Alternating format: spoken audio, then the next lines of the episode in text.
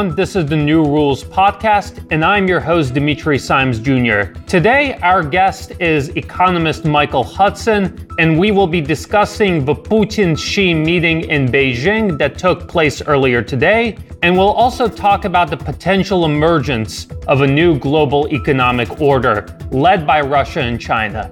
Given the continued developments in the Palestinian Israeli conflict, I suspect we won't be able to completely avoid this topic either. Professor Hudson, thank you so much for coming onto the program. Well, it's good to be back here again. Yeah, I guess I wanted to start it with the bigger context, right? Because when we look at how the US media has been talking about the Chinese economy over the past several months, they've been saying that the Chinese economy has is in trouble, that the Belt and Road Initiative has stalled, to what extent, in your view, is this a fair assessment of what's going on right now? Well, when they say the Chinese economy is in trouble, they mean that it, uh, despite the fact that it's growing faster than almost all of the Western countries, is not uh, growing as fast as it did before. And the reason is uh, the very heavy real estate debt. Uh, Chinese real estate has been financed by, in a way that uh, finance has been uh, done in the United States for real estate.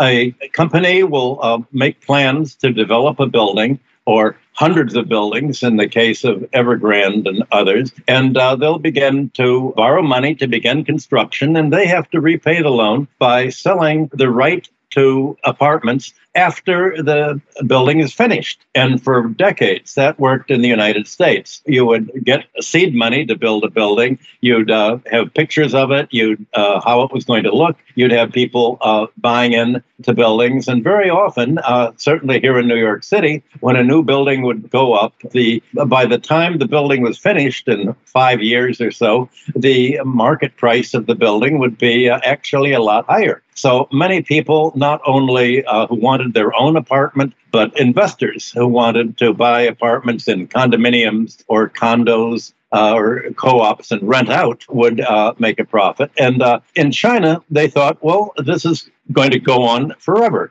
just like in the United States. People uh, didn't see that at some point there was going to be a downturn. And the fact is that uh, the borrowers, the developers who were building the buildings, weren't able to sell uh, so many apartments as they were uh, buying, and they fell behind in their uh, payments. Well, one of the problems in China is exactly what had happened in the United States. Here you had Fannie Mae, the uh, uh, the government insurance real estate insurance company, underwrote uh, the risk of all of the real estate mortgages that banks would make in America, almost all mortgages are guaranteed by the United States so that the banks won't lose money on the mortgages. Today, banks can charge 7.2% on mortgages here, and uh, they're guaranteed not to lose money by the government. Well, China has done this on an even larger scale. And uh, the Chinese insurance companies, or rather the banks, the banks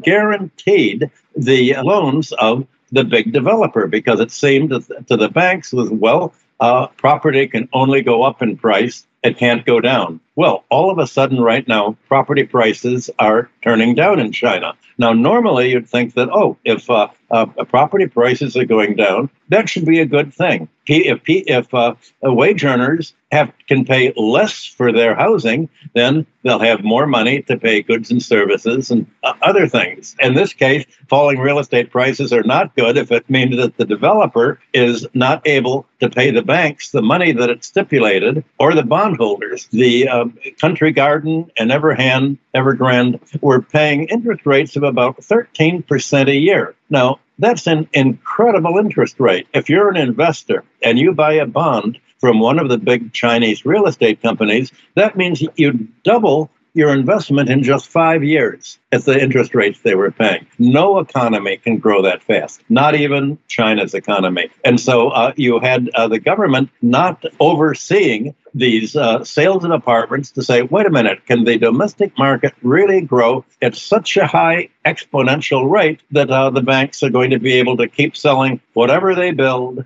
at a rising price? Well, no country's been able to do that, but uh, every country has uh, run into the same kind of uh, real estate uh, slowdown that China's in now. But it turns out that the amount of money that is guaranteed for the large uh, real estate developers are almost one sixth of all of the foreign dollar reserves that China uh, holds. So uh, this is a, a, real problem of uh, what to do with the fact that the large companies can't pay their debts uh, which normally wouldn't be bad. They can't be, pay the debts. Okay, they uh, lose their money, and another company comes in and finishes building the buildings and sells them for something. But the problem is that uh, Chinese banks and small banks often have guaranteed the bonds and the debts, and uh, they are going to be essentially their reserves will be wiped out. And if the banks that have guaranteed these real estate loans take a loss, then uh, what's going to happen to the depositors? Will China have something like in America, the Federal Reserve,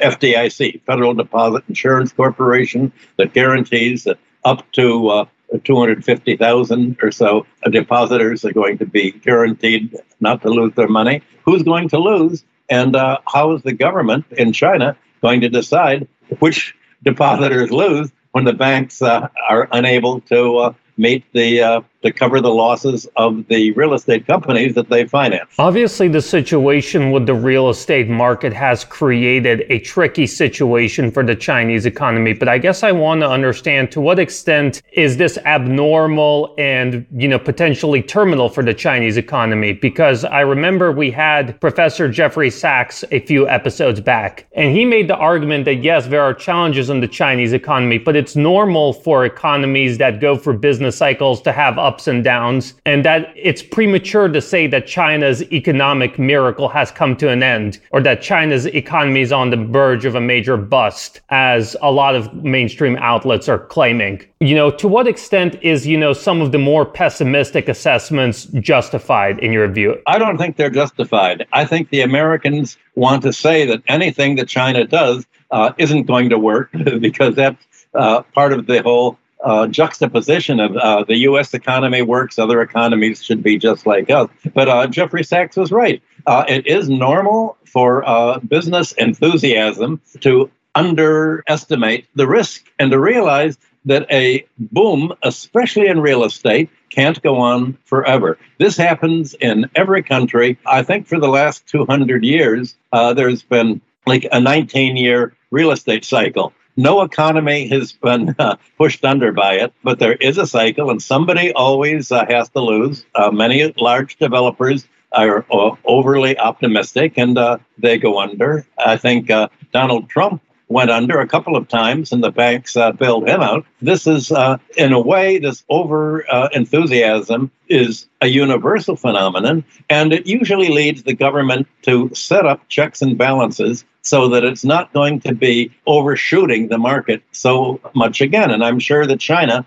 is trying to say, how do we prevent this from happening again? They certainly have enough money to cover everything. China can simply wipe out the debt. It could do. It has enough money that it can afford the downturn, but it it, it it's causing a real problem for investors in uh, the two big real estate companies. Uh, and apparently, there's been a lot of uh, bad accounting in the United States, uh, accounting firms are, suppo- are very often found liable for not having uh, warned the banks that have hired them that there's a problem coming. So this uh, overestimation is a byproduct of the bubble. The bubbles created this enthusiasm and uh, it, it overcreated it. But uh, the underlying Chinese economy is continuing uh, to rise. And I think you mentioned the Belt and Road.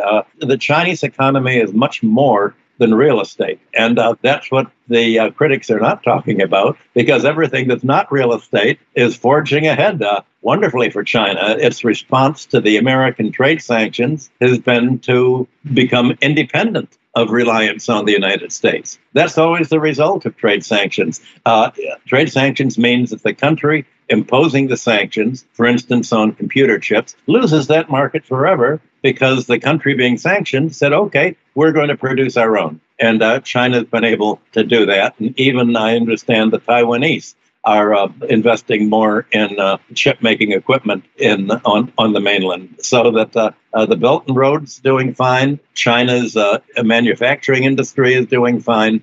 Uh, the new, the newspapers are looking for something to criticize, and uh, China will, will have to do what all the other countries have done: uh, decide who's going to take a loss and uh, how much of a loss and uh, who to bail out. Yeah, I think your point about the underlying economy is very interesting and very important because, again, I'm not an economist, I'm a journalist, but when I look as a dilettante from a distance. It seems that China has a lot of the necessary fundamentals in place. It has strong industry, it has a large population that's increasingly well educated, and it has a developing high tech sector. Doesn't that suggest that even though it's going through, you know, some challenges now due to mistakes in the real estate market, that it's well positioned to be competitive over the long run? Well, uh, you didn't mention its number one advantage. Unlike the Western economies, China has treated money and credit and banking as a public utility. That means that it's the government that is the ultimate creditor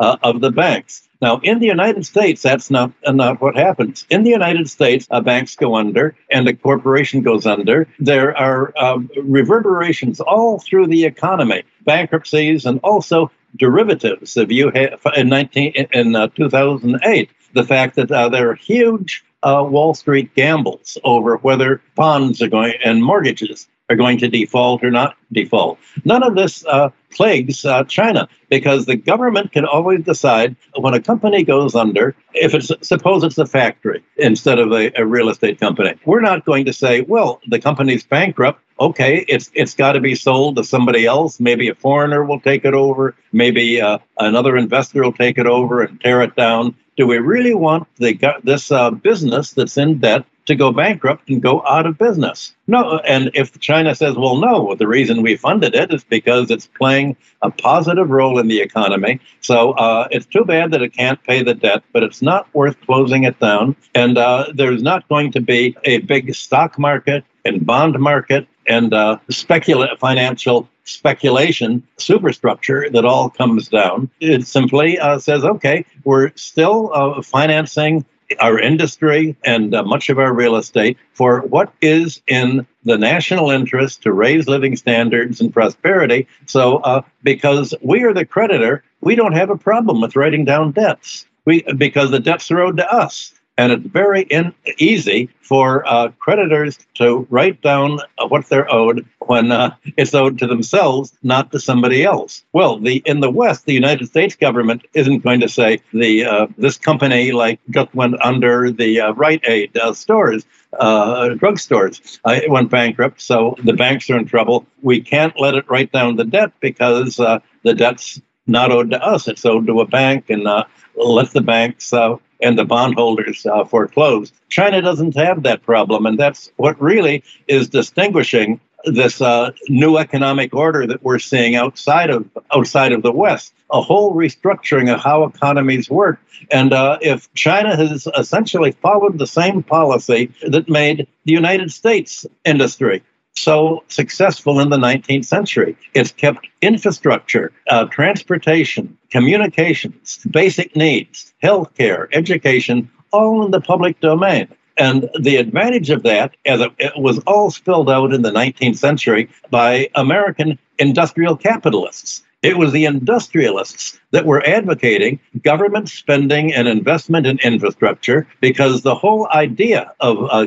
government transportation, government communications, is to supply basic needs at subsidized rates so that employers don't have to pay wage labor enough to have to pay higher prices for these basic infrastructure needs that are mainly monopolies. In the West, basic infrastructure has been monopolized, very high prices. Look at uh, Thames Water in England as an example. Beginning in the 1980s, Margaret Thatcher in England and uh, Ronald Reagan in the United States began to sell off all the basic utilities and privatize them. The results is that prices of the cost of living and doing business in the West has gone way up. For instance, education. It costs uh, about $50,000 a year just to go to, to college in the United States. Other China and other countries treat education as a basic need, and uh, they don't have uh, to pay like that. Public health. In America, health insurance costs about $25,000 a year per person. Well, just imagine a country that provides public health freely. That means that um, its, its employers, its labor, do not have to pay, uh, earn high enough wages to pay this enormous cost for education, public health, or for monopolized transportation that's very inexpensive in China, monopolized communication. You've avoided monopoly rents uh, when you have government investment in infrastructure. So China is, in a way, doing what was the ideal of uh, the United States industrial capitalism in the 19th century, German industrial takeoff, England's industrial takeoff. It, it has a mixed economy uh, government and private sector, with the, the government providing the basic needs. So that means that China and other countries that are following its policies are going to be much lower cost producers than uh, their counterparts in the West. And this used to be called industrial capitalism. It was the capitalists that were advising what's called socialized medicine and uh, a so called socialized infrastructure because the purpose of this government uh, infrastructure was to enable to lower the cost of doing business for American industry so that it could undersell European and other countries that didn't have a mixed economy with public infrastructure. China's doing this, and it's called socialism now, uh, not capitalism. But the the uh, basic strategy is exactly the same strategy that led the West to take off. But the West is not following the strategy anymore. The West has let itself be financialized and privatized. And what you're really seeing now is a split in the world between neoliberal privatization, financialization, wealth being created by financial engineering, not by industrial capital formation and actually producing things. Well, that's what China's trying to do with the Belt and Road Initiative and with uh, as a, a, model for other countries too. We're really seeing a conflict of economic systems, and this appears to be a geographic split between the U.S. and Europe on the one hand, what uh, Borrell in Europe, the head of the European Union, called the garden, and the rest of the world meaning the jungle the jungle meaning uh, countries with strong government uh, investment to lower the cost of living and uh, increase productivity. I want to remind our audience members that you are watching and listening to the New Rules podcast. I'm your host, Dimitri Simes Jr., and our guest today is economist Michael Hudson. So, this is really interesting because what your answer suggests is that the US China competition is not just a geopolitical showdown, but it's also in a sort of ideological and economic showdown for the model that's going to dominate the future? Is it going to be this sort of rentier financial capitalism that you described now dominating the West? Or is it going to be something along the lines of industrial socialism, industrial state capitalism, something, an economic model that is based on producing things instead of just, you know, providing services and, you know, high tech toys. You've just said it in a nutshell. That's exactly what we're saying, Dimitri.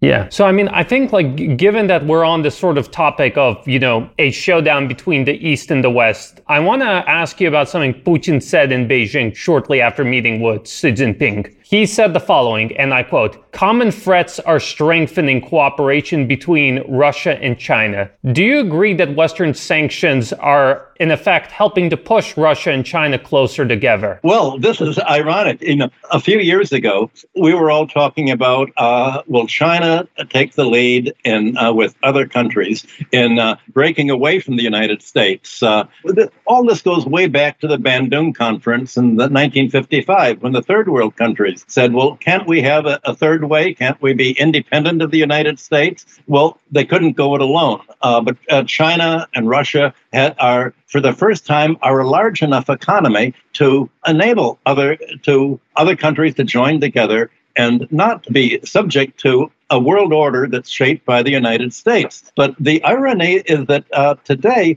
it's the United States that is driving other countries together. It's the United States that is breaking up the uh, world order of the International Monetary Fund, the World Bank, uh, the International Criminal Court. The United States is driving these other countries uh, together, not acting in its own self interest. And so history seems to be repeating itself. Uh, you remember the Delphi Oracle in uh, about the fifth century BC. Uh, you had a uh, the richest king of uh, Asia Minor, Croesus, decided he wanted to attack Persia, and he went to the Delphi Oracle and said. Uh, what is my fate going to be? And the oracle said, You will destroy a great empire. And so Croesus attacked King Cyrus and lost, and it turned out that the empire he destroyed was his own. Well, that's exactly, you could say that President Biden went to his uh, uh, advisors, and his uh, Blinken and Nuland and his other advisors have all said, yes, impose sanctions on Russia and China, trade sanctions, uh,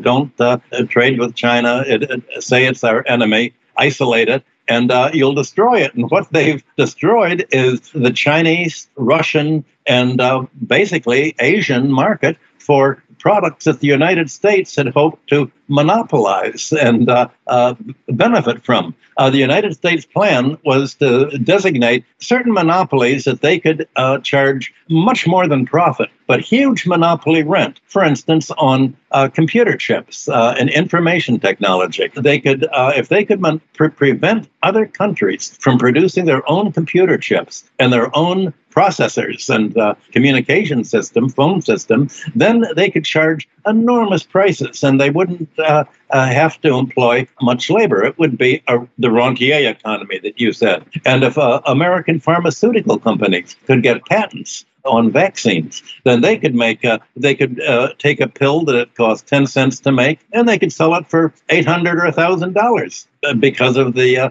the monopoly power. Well, this is a system that the United States thought it could do, but what it's done by abusing its privilege uh, and uh, pushing other countries beyond the breaking point, what it's done is forcing other countries to say, well, we know it's there's going to be uh, an interruption in our activity and a little a hiccup, uh, as we uh, invest in our making our own pharmaceuticals, invest in making our own computer chips, our own computers, and our own uh, chip making uh, machinery. Uh, but once we do that, we don't have to depend on the United States anymore. The objective of any economy uh, in principle, is to be independent of other countries uh, uh, being able to interrupt their business activity by imposing sanctions, or financial raids on their currency. Uh, you, you, want to protect yourself from uh, economic attack or financial attack by other countries. And about 70 years after World War II ended, countries didn't have to do that. There was an open economy and countries weren't attacking other countries. It's the United States that has led the policy of imposing sanctions on Russia, China, Iran, Venezuela, and now it's extending to more and more countries. In every single case where sanctions have opposed, for instance, uh, stop uh, food exports uh, to Russia. Well, Russia's grown its own grain now and is a grain exporter, not an importer. A vegetable and cheese, uh, it's independent of uh, foreigners. And you could say the same thing for automobiles, for arms, for computers, for, for cars. Now, uh, Russia and China are producing their own automobiles, not dependent on uh, Europe or Japan.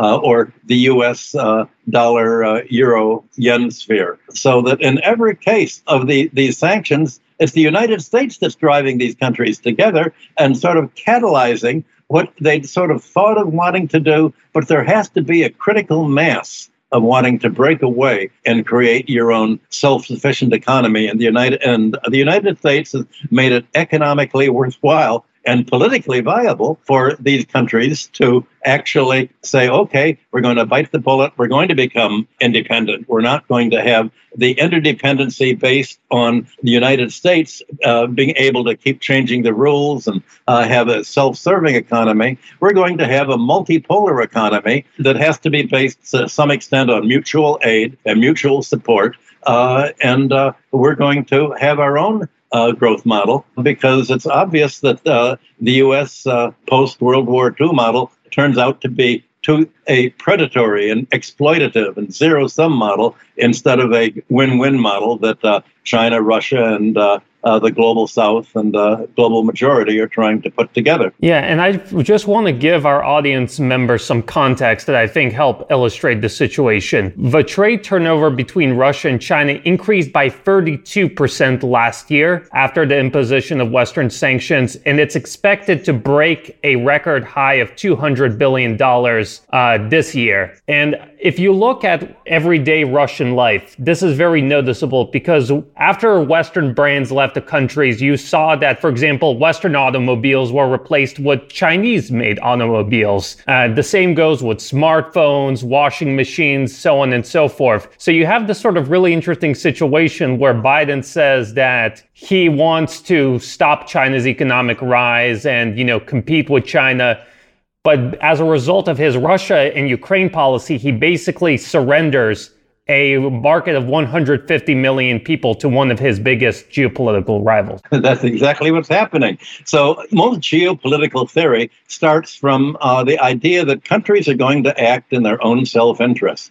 Well, that's not happening today. Uh, in a broader sense, America thinks it's, act, it's uh, acting in its self interest to be protectionist because it doesn't really understand other countries have a choice. And so the United States tries to stop other countries from having a choice, uh, and it's it's uh, doing it militarily in uh, the NATO war against Russia and Ukraine, and uh, you're seeing it doing in the Near East now. The uh, United States is trying is uh, trying to attack Syria and Iran to sort of take over the whole Near East, and that's what this whole fight nominally about uh, Israel is all about. It's the United States moving in uh, into Syria, trying to use. I've heard American generals talk to uh, Netanyahu's uh, main economic advisor, Uzi Arad, when we worked together at the Hudson Institute. The American generals would tell him, You're our landed aircraft carrier there. We're using Israel. We can always use that to uh, make sure that we control the Near East and its oil supplies. Well, that's uh, that was in about 1974, and that's almost uh, that's what 50 years ago, and it's still the mentality of the United States that the United States wants to be able to do to the whole Near East what it's done to Iraq. Uh, simply move its naval navy in, take over Iraq. The Iraq Congress says you've got to leave, and the United States, uh, from Donald Trump through uh, President Biden says, We can't leave, we're taking all of your oil. And they're taking all the oil and uh, funding uh, U.S. Uh, military operations all over the world. They want to do what they've done to Iraq, to Syria, and basically Iran. And uh, you have the congressional Mitch McConnell, the Republican leader in Congress, saying, uh, forget about attacking Hamas, attack Iran. That's what we really have to do. You have uh, the Republican nominee uh, running for president, Nikki Haley, the former United States uh, UN representative, saying, "Forget Israel, attack Iran." Use uh, uh just uh, after 9/11, the United States uh, didn't retaliate against the people who mounted 9/11, Saudi Arabia. They invaded Iraq. Well, right now they're today they're not responding they're not really responding against hamas or, or lebanon uh, biden's telling uh, israel i think you better not invade because you'll be uh,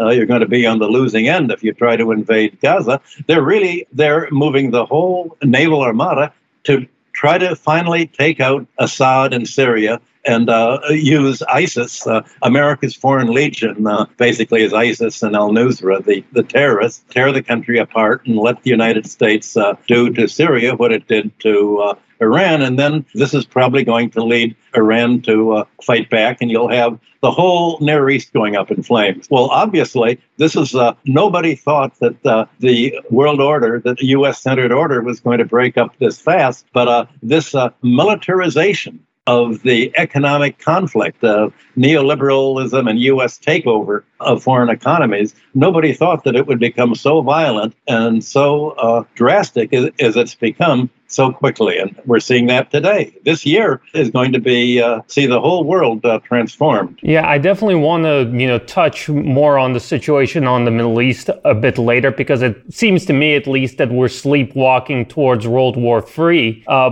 but I want to touch a little bit on an idea that we've been discussing throughout our conversation, which is that you have this sort of rentier capitalist model by the West and a different economic model presented by Russia and China. Something that came up over the past few days at the Belt and Road Forum, and this was articulated both by Chinese President Xi and Russian President Putin. They talked extensively about the importance of creating new transport corridors. Could you explain to our, you know, Western audience members, which are the majority of the people watching, why is this such a priority for Russia and China? Is this just an economic imperative, or is there some geopolitical underlining here as well? There's always a geopolitical imperative uh, because uh, countries don't really want to be self-sufficient if they can uh, produce uh, minerals and raw materials and oil where cheapest most countries uh, would like to uh, to uh, maximize to minimize their costs in order to be more efficient. That's not true of Germany and Europe. They they want to pay six times as much for their oil, but uh, nobody would have anticipated that a country would uh, commit uh, industrial suicide like that. But most countries want to have an inter interconnected economy uh, with other countries so that everybody can have a specialization of uh, production specialization of labor and uh, uh, that is most efficient geographically. Well, in order to have this specialization of labor and mutual mutual support in the market, every country will get all the other countries around it as a market. You have to have transportation. You have to have a means of transporting oil and gas through pipelines in a way that the United States cannot blow up. You need to have ports uh, for shipping. You need to have railroads, ideally, uh, the kind of railroads that China has built, the very fast and efficient railroads. These railroads and the Belt and Road Initiative sort of like the uh, the arteries, uh, the circulation system uh, in the body, that, uh, so that you can uh, you'll be able to, on the basis of these transportation facilities, uh, build up all sorts of industrial and agricultural facilities around them. So that, for instance, in the United States, when the United States in the 19th century built railroads, all along the railroads, so wherever there was a station, there would be a whole town growing up. And in back in back of the town, there would be prosperity. The prosperity followed the railroad routes. And China, Russia, Asian countries can do that today. The West can't do it. And particularly the United States can't do it because uh, the Chinese trains, uh, which I've taken very enjoyable rides on uh, between Beijing and uh, Wuhan, for instance, and Tianjin, go uh, so fast that uh, you need a right of way. You have a highway on one side, one direction, a highway on the other, and on an elevated, uh, separate tra- rail track, you have the high speed rail track. Well, in the United States and Europe, the land is so densely settled that uh, residential buildings and factories and uh, towns in the way. Well, imagine going at 150 miles an hour through a town with uh, railway crossing gates going up and down. Uh, you're going to have some uh, trucks uh, going, you know, right through the gates and uh, kaboom. And if you have a a railway accident 150 or 200 miles an hour, uh, it's really serious. The United States uh, can't afford the money to buy the right of way from the existing real estate owners and don't have the uh, the legal basis really for saying uh, we're going to uh, condemn your property and uh, take over the property to make a, a trains moving in a straight track. You can't have trains do what they uh, do now and just go around all of the buildings and uh, the farms. It has to go straight. So you're having the Belt and Road Initiative is designed in such a way that it's going to minimize the cost of transport and make it uh, less costly for China, Russia, other Asian countries to trade with each other than it would be to trade with the United States and Europe. So, uh, this accessibility of markets to each other, consumers to their suppliers, and uh, various uh, countries are going to uh, essentially create a mutual prosperity. And the reason it has to be mutual is that uh, if uh, a country, let's say Central Asian countries, are going to buy Chinese industrial products and Russian oil, uh, or gas or Russian product, they're going to have to have some financial means of paying for them. The only way you can earn the fi- they can earn the financial means is they'll have to export something, and that means that uh, China, Russia will have to say, all right, uh, if we want to sell our manufacturers and uh, other products to Kazakhstan and Uzbekistan and Kyrgyzstan, what are we going to buy from them to enable them to pay for it? Uh, we can't just lend them the money. Uh, and then say, ha, we're going to foreclose on your country when you can't pay. We have to enable these countries to pay for the products they buy from us so that we can have a market in these countries. That's where the Chinese are thinking ahead and, and realizing that we can't just create foreign dependency without developing foreign countries. The United States has not tried to develop the uh, the uh, thir- uh, global South countries that have run up huge dollar debt to finance their balance of payments uh, deficits. They've just said, well, you know, don't compete with us, buy what we're producing, and borrow the money from us. And that's what's happened. Argentina, Latin America, African countries have borrowed American and uh, European money, and they owe uh, their they owe dollar debts and euro debts but they, they can't produce the dollars and euros. And uh, the United States and Europe said, uh, we're not going to import anything from you. Argentina, Brazil, and Africa. Uh, you're going to be markets, but uh, we want to make the money and the profit selling to you. And uh, the result is there's been an enormous imbalance. And you can say the whole growth of international monetary reserves is a measure of this imbalance. For the Belt and Road countries and the BRICS Plus countries that are joining this, the idea is not to have a new kind of reserves to replace the dollars. It's not to have a need for such large reserves to build up in the form of debts to other countries that can't be paid. And that's going to be the next big challenge to the Belt and Road countries and, and to the global South. How can they, uh, their governments, invest in infrastructure and at the same time paying this, the result of financial colonialism? How can they pay the U.S. Uh, bondholders? Dollar bondholders. How can they pay the Euro, uh, Euro bondholders for a development process since 1945 that has been exploitative and not helped the debtor countries develop. This is uh, the whole relationship between debtors and creditors is all of a sudden coming to be acknowledged uh, in Asia uh, and the global South because they're the debtors and the creditors are not even looking at this. And the fact is that the global South and the the built the, the debts owed by the Belt and Road Initiative and BRICS countries to the West can't be paid, and at some point they're just not going to be paid. But uh, because that causes a monetary uh, and financial fracture, uh, they have to be able to put in place an industrial and agricultural mutual self sufficiency in order to go it alone when uh, America and Europe go into a rage and not being able to exploit the rest of the world in the way that they dreamed of doing. I want to remind our audience members that you are watching and listening to the New Rules podcast. I'm your host, Dimitri Simes Jr., and our guest today is economist Michael Hudson. I think you make some really important and interesting points because it, when you look at, for example, what the New York Times writes when it talks about Russia or China, they say that these two countries are trying to dethrone the international rules based liberal international order. But I think you make a very important point that Russia and China are not against the idea of globalization and interconnectivity. They're against the current US neoliberal rules based approach to globalization, where basically the resources are concentrated in the United States and other countries have no viable way to develop. This is right. Yeah. yeah. I guess this does beg the question, right? Because, you know, we've been talking about the sort of vision of a more equitable global development, of this sort of interconnected Eurasia uh, from Moscow to Beijing, from Vladivostok to Tehran.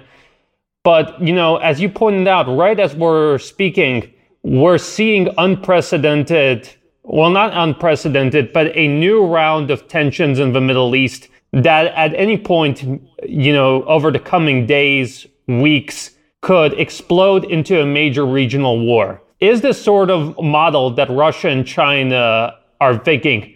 To what extent is it threatened by what's going on in the Middle East right now. Could a major Middle Eastern war put all of these sort of ambitions of a greater Eurasia at risk? Well, you said that they're sleepwalking into World War III, but they're not sleepwalking. They're uh, the United States is deliberately risking and even triggering World War III because it realizes that the United States is losing its military power, and in fact, NATO is literally out of weaponry right now uh, because of the war in Ukraine. And uh, the way that the United States national security uh, establishment is thinking, and I was associated with it for many years, uh, is if we're going to have a war, a World War III, uh, we're going to be uh, never be in a stronger position than right now. Our position is weakening. So if we're going to blow up the world, let's do it now because we're going to blow up the world and lose even more heavily if we do it in the future. They're actually uh, risking uh, the takeover now, especially because it's so centered in the Near East, uh, with Iran and uh, Syria, as I mentioned, being the real keys uh, to all of this. They think that right now maybe Russia's already uh, tied up its army in Ukraine, and there's nothing it can do to come to the aid of Syria if uh, the United States uh, moves against Syria. And once it moves against Syria, uh, the neocons and conservatives in the national security establishment have already said first we go to Syria, Iraq, then Syria, and then uh, Iran is where we're all in, uh, aiming all of this. Well, they've spelled it all out in national security reports. Uh, this is not sleepwalking. This is a very conscious plan that uh, uh, the leading uh, neocons, Victoria Nuland's group, have all put together and uh, they are actually they're trying uh, actually to trigger it all. So that I think while Biden is trying to tell uh, Israel uh, this is not a good time to fight Gaza anymore because you're turning the whole world uh, against uh, against us. And Biden is finding that his support of Netanyahu is an albatross around his neck, is I think a recent column by someone uh, put it, that somehow he supported a uh, right wing belligerence that the majority of Israelis have voted against, and the majority of American Democrats uh, have voted against. Uh, it's not that America is supporting Netanyahu, it's supporting the Likud uh, right wing uh, neoliberal approach, basically. And, th- and the fact that this economic warfare is taking so violent a turn is shocking to the rest of the world. They they really realize that uh, it, it's not uh, countries that have been exploited that are going to uh, fight uh, as hard as the exploiters. It's the exploiters, the beneficiaries of an unfair, one-sided system, are willing to go to war because they they have no um, means any longer to support themselves. Their only way of survival is by exploitation, and they're fighting to be able to take over uh, the oil reserves elsewhere, and the National Security Council in America have said if we can take over Iran and the Near Eastern oil, uh, and with Saudi Arabia being next, then we can cut off the oil supply of any country that doesn't follow the United States neoliberal plan. And if they don't have oil and gas, they don't have uh, electricity and power, and GDP is basically based on uh, power, uh, electricity and power consumption, oil, gas, and electricity. So this is actually all spilled out visibly, and that's what the United States is, is doing, and it's let the whole world know. Yes, uh, we do have a plan to exploit you. What are you going to do about it? Because uh, you're def- if you defend yourself, we're going to do to you what uh, we did to uh, Iraq, what we are doing to Syria, what we did to Iran, what we do- what we did to Ukraine. Do you really want to go through that? That's the gauntlet that the United States has thrown down. And I think other countries are saying, we're not going to be a part of that. We've, we've got to go our own way. You know, as I listened to your sort of analysis, and you mentioned that a lot of people in the United States, in the US political elite to be more specific, think that better now than uh, later because later we're not going to be as strong and the considerations about domestic political uh, dissatisfaction. That was very chilling for me because I remember reading the deliberations that German leaders made prior to World War One. They also looked at the Russian Empire in the East. They said the Russian Empire economy is growing very rapidly. It's industrializing. We, and at the same time, we have a growing socialist movement at home. So better to try and fight a war now on our terms than wait 10 years and potentially lose. I guess, Vo, you know, we saw Biden and Janet Yellen, and this is my final question, I promise. Both of them said earlier this week that the United States is capable of walking and chewing gum, that they're capable of, you know, fighting this proxy war in Ukraine, supporting Israel in its conflict with its neighbors, and facing down China in an economic Cold War. Is the United States really capable of juggling all of these things at the same time, or is this just another Washington delusion? Uh, there's no question it can go to a war on three fronts. There's also no question that it'll it'll lose. The army, the military, has uh, done a game plan and said, what if there is a war? In uh, first of all, in, uh, in Ukraine, they acknowledge Russia's won. NATO is totally lost. What if there's a war in the Near East? Every plan shows the U.S. losing. What if there's a war in the South China Sea? Every uh, military plan that's been uh, announced uh, uh shows uh, that the U.S. Navy's wiped out in the first hour, that it's going to lose. So you have, I remember during the Vietnam War, when I was working with Herman Kahn at the Hudson Institute, we would meet with general, the leading generals who were planning the Vietnam War and dinner with them. And they sounded like they were leading a peace march. They, we can't possibly win. It's just awful. This is uh, there's no way we can win. Uh, best to get out. They knew that they were losing. The, it's the politician who overruled the army that uh, said no, that had this illusion of world dominance. You're having the same thing today. The army knows that the U.S. will lose, but the politicians said, uh, "We're just we're America. Uh, we're always going to win." It's almost a religious fervor that you're uh, finding on the part of uh, the U.S. National Security uh, Council and the uh, the CIA, the, the deep state. It's they really believe that God is on their side. And of course, this is what uh, uh, you had in the Middle Ages. You had each country thinking that God's on their side, and uh, uh that's uh, not uh, the same thing as military strategy, working out a game plan. And on that cherry note, my name is Dimitri Simes Jr., host of the New Rules podcast. Our guest today was economist Michael Hudson. Michael, where can our audience members go to keep up with your work? Well, I have my website, michael-hudson.com, and all of my articles uh, are there. And, and uh, I hope we put this article, a transcript of this, uh, on the website too, uh, because this has been a good interview. And I usually do an interview uh, every week, and I have a Patreon uh, group also that uh, uh, I send what I'm working on, my articles uh, and drafts to. And if you enjoyed this video, make sure to like and subscribe to our Rumble channel. It really helps get our message across. And we'll have all of our other social media links in the description below. Thank you all for tuning in. Till next time.